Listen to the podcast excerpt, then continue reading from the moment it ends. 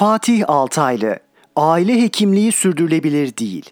Aile hekimlerinin konuşması, açıklama yapması, dertlerini dile getirmesi yasak ama onlar yerine ya da sistem yerine ben konuşayım. Çünkü durumun farkındayım. Aile hekimliği sistemi ve aile sağlığı merkezleri topluma sağlık hizmeti mi veriyor yoksa SOS mi veriyor emin olamıyorum. Çünkü bu sistemin sürdürülebilirliği var gibi görünmüyor. Nedenlerini kendimce anlatayım. 1. Her bir aile hekimi başına 4000 vatandaş düşüyor. Bir aile hekiminin yeni kurallar gereği yakından obeziteden yüksek tansiyona, nezleden kronik hastalıklara kadar sağlık durumunu takip etmesi ve sorumlusu olması gereken vatandaş sayısı 4000. 2. Bu 4000 kişinin sağlık durumları doktorun performansını ve gelirini etkiliyor. Diyelim ki aile hekiminin sorumlu olduğu kişiler arasında obezler var. Hekim bunları izlemek ve zayıflatmak zorunda. Zayıflatamazsa puanı düşüyor. Hastanınsa sorumluluğu sıfır. Ya da yüksek tansiyon hastası. Hekim yetkisi dahilindeki ilaçları yazarak bu tansiyonu düşürmek zorunda. Hasta ilaçları kullanmasa bile sorumluluk hekimde. Farklı hastalıkların taramaları da aynı şekilde hekimin sorumluluğunda. Aile hekimine uğramayan bir hastanın kanser taramasına katılmaması da hekimin puanını düşürüyor. 3. Hekimlere Sağlık Bakanlığı toptan bir para veriyor. Aile hekimi bu parayla önce bir aile sağlığı merkezi kiralayacak. Sonra bu merkezde kullanılacak tıbbi malzemeleri satın alacak. Elektrik su parasını ödeyecek, sonra para kaldıysa bir hemşire istihdam edecek ve istihdam ettiği kişi sayısına göre sınıf atlayacak. Durum bu olunca kullanılan medikal malzemelerde bir standart olmuyor. Medikal malzemelerdeki yüksek fiyat artışı ödeneklere yansıtılmadığı için malzeme kalitesi giderek düşüyor. Pek yakında hastalardan kendileri için kullanılacak malzemeyi getirmeleri istenebilir. 4. Aile sağlığı merkezlerine hekimler kiraladığı için özellikle büyük kentlerin pahalı semtlerinde aile sağlığı merkezi kiralamak imkansız hale geliyor. İstanbul'da kiraların yüksek olduğu Bağdat Caddesi civarı, Nişantaşı, Etiler, Bebek, Beşiktaş, Bakırköy gibi bölgelerde aile sağlığı merkezleri son derece kötü binalarda bazen yerin 2-3 kat altındaki dairelerde kiralanabiliyor. Bakanlığın muayenehane kriterlerine uymayan bina ya da daireler aile sağlığı merkezi olabiliyor. 5. Kiralamaların doktorlar tarafından yapılması başka sıkıntılara da neden oluyor. Mesela bir ilimizde aynı aile sağlığı merkezinde çalışan bir çift yasak olmasına rağmen medikal estetik hizmeti de verdikleri için aile hekimliği sözleşmeleri iptal ediliyor. Onlar da aile sağlığı merkezi tabelasını indirip ertesi gün kendi adlarına işe devam ediyorlar. İl Sağlık Müdürü'nün itirazları sonuç vermiyor çünkü kira sözleşmesi hekimlerle yapılmış. 6 aile hekimlerinin yazabilecekleri ilaçların sınırlandırılmış olması, hastanelerin yükünü azaltmaya hedefleyen sistemin tam aksi bir sonuç vermesini ve yer yer sadece hastanelere sevk amaçlı birer muayene noktasına dönüşmelerine sebep oluyor. 7. İkametgah adresinizden bağımsız olarak evinize çok uzak, aynı semtte olmadığınız bir aile hekiminden randevu alma imkanının olması gereksiz bir kargaşaya neden oluyor.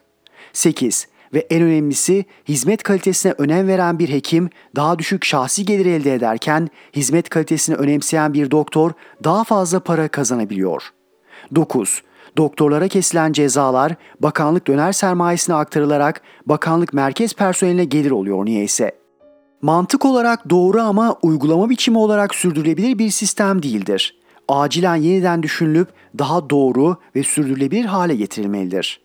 Kutu kutu Merkez medya Pandora belgeleri haberini vermedi diye kıyamet koparanlar var. Ayıp. Şu an Türkiye'de Habertürk'ten daha merkezde bir medya bana göre yok ve Pandora belgeleri denen sızıntıyı ilk haber yapanların başında habertürk.com geliyor. Belgelerde ilk ortaya çıkanlardan biri son dönemin hızlı müteahhitlerinden Rönesans İnşaat'ın patronunun yurt dışında bazı offshore hesaplara para aktarması.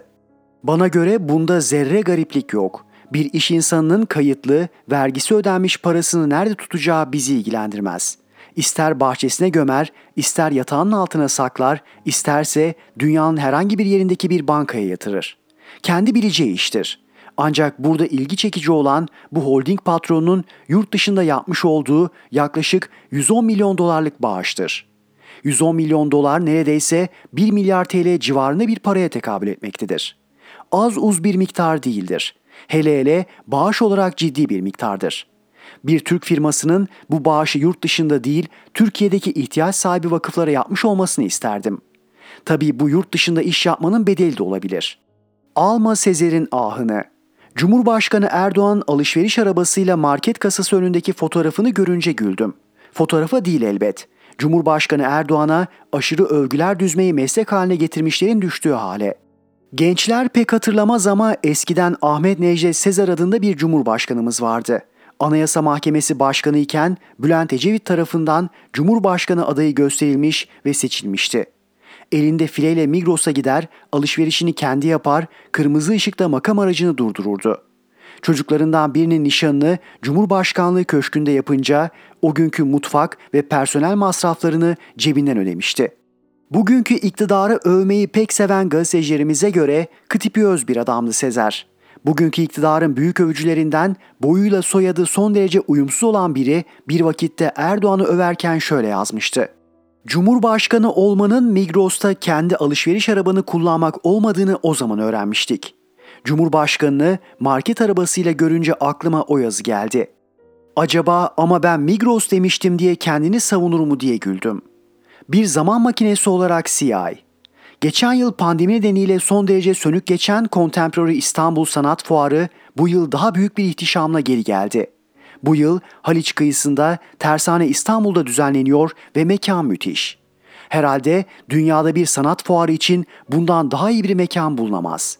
Önde Haliç ve arkasında yükselen eski İstanbul'un muhteşem silüeti. Arkada göze hoş gelen biçimde yenilenmiş eski tersane binaları. İçinde de onlarca galeri tarafından sergilenen Türk ve yabancı sanatçıların eserleri. Dün birkaç saatimi Tersane İstanbul'da geçirdim. O kadar keyif aldım ki anlatamam. Sanki zaman makinesiyle başka bir döneme gitmiştim. Belki geçmişte, belki gelecekte. Ama kesinlikle başka bir zamanda, başka bir yerdeydim. Ne zaman adam oluruz? İnadın, umudun yakıtı olduğunu unutmadığımız zaman. Fatih Altaylı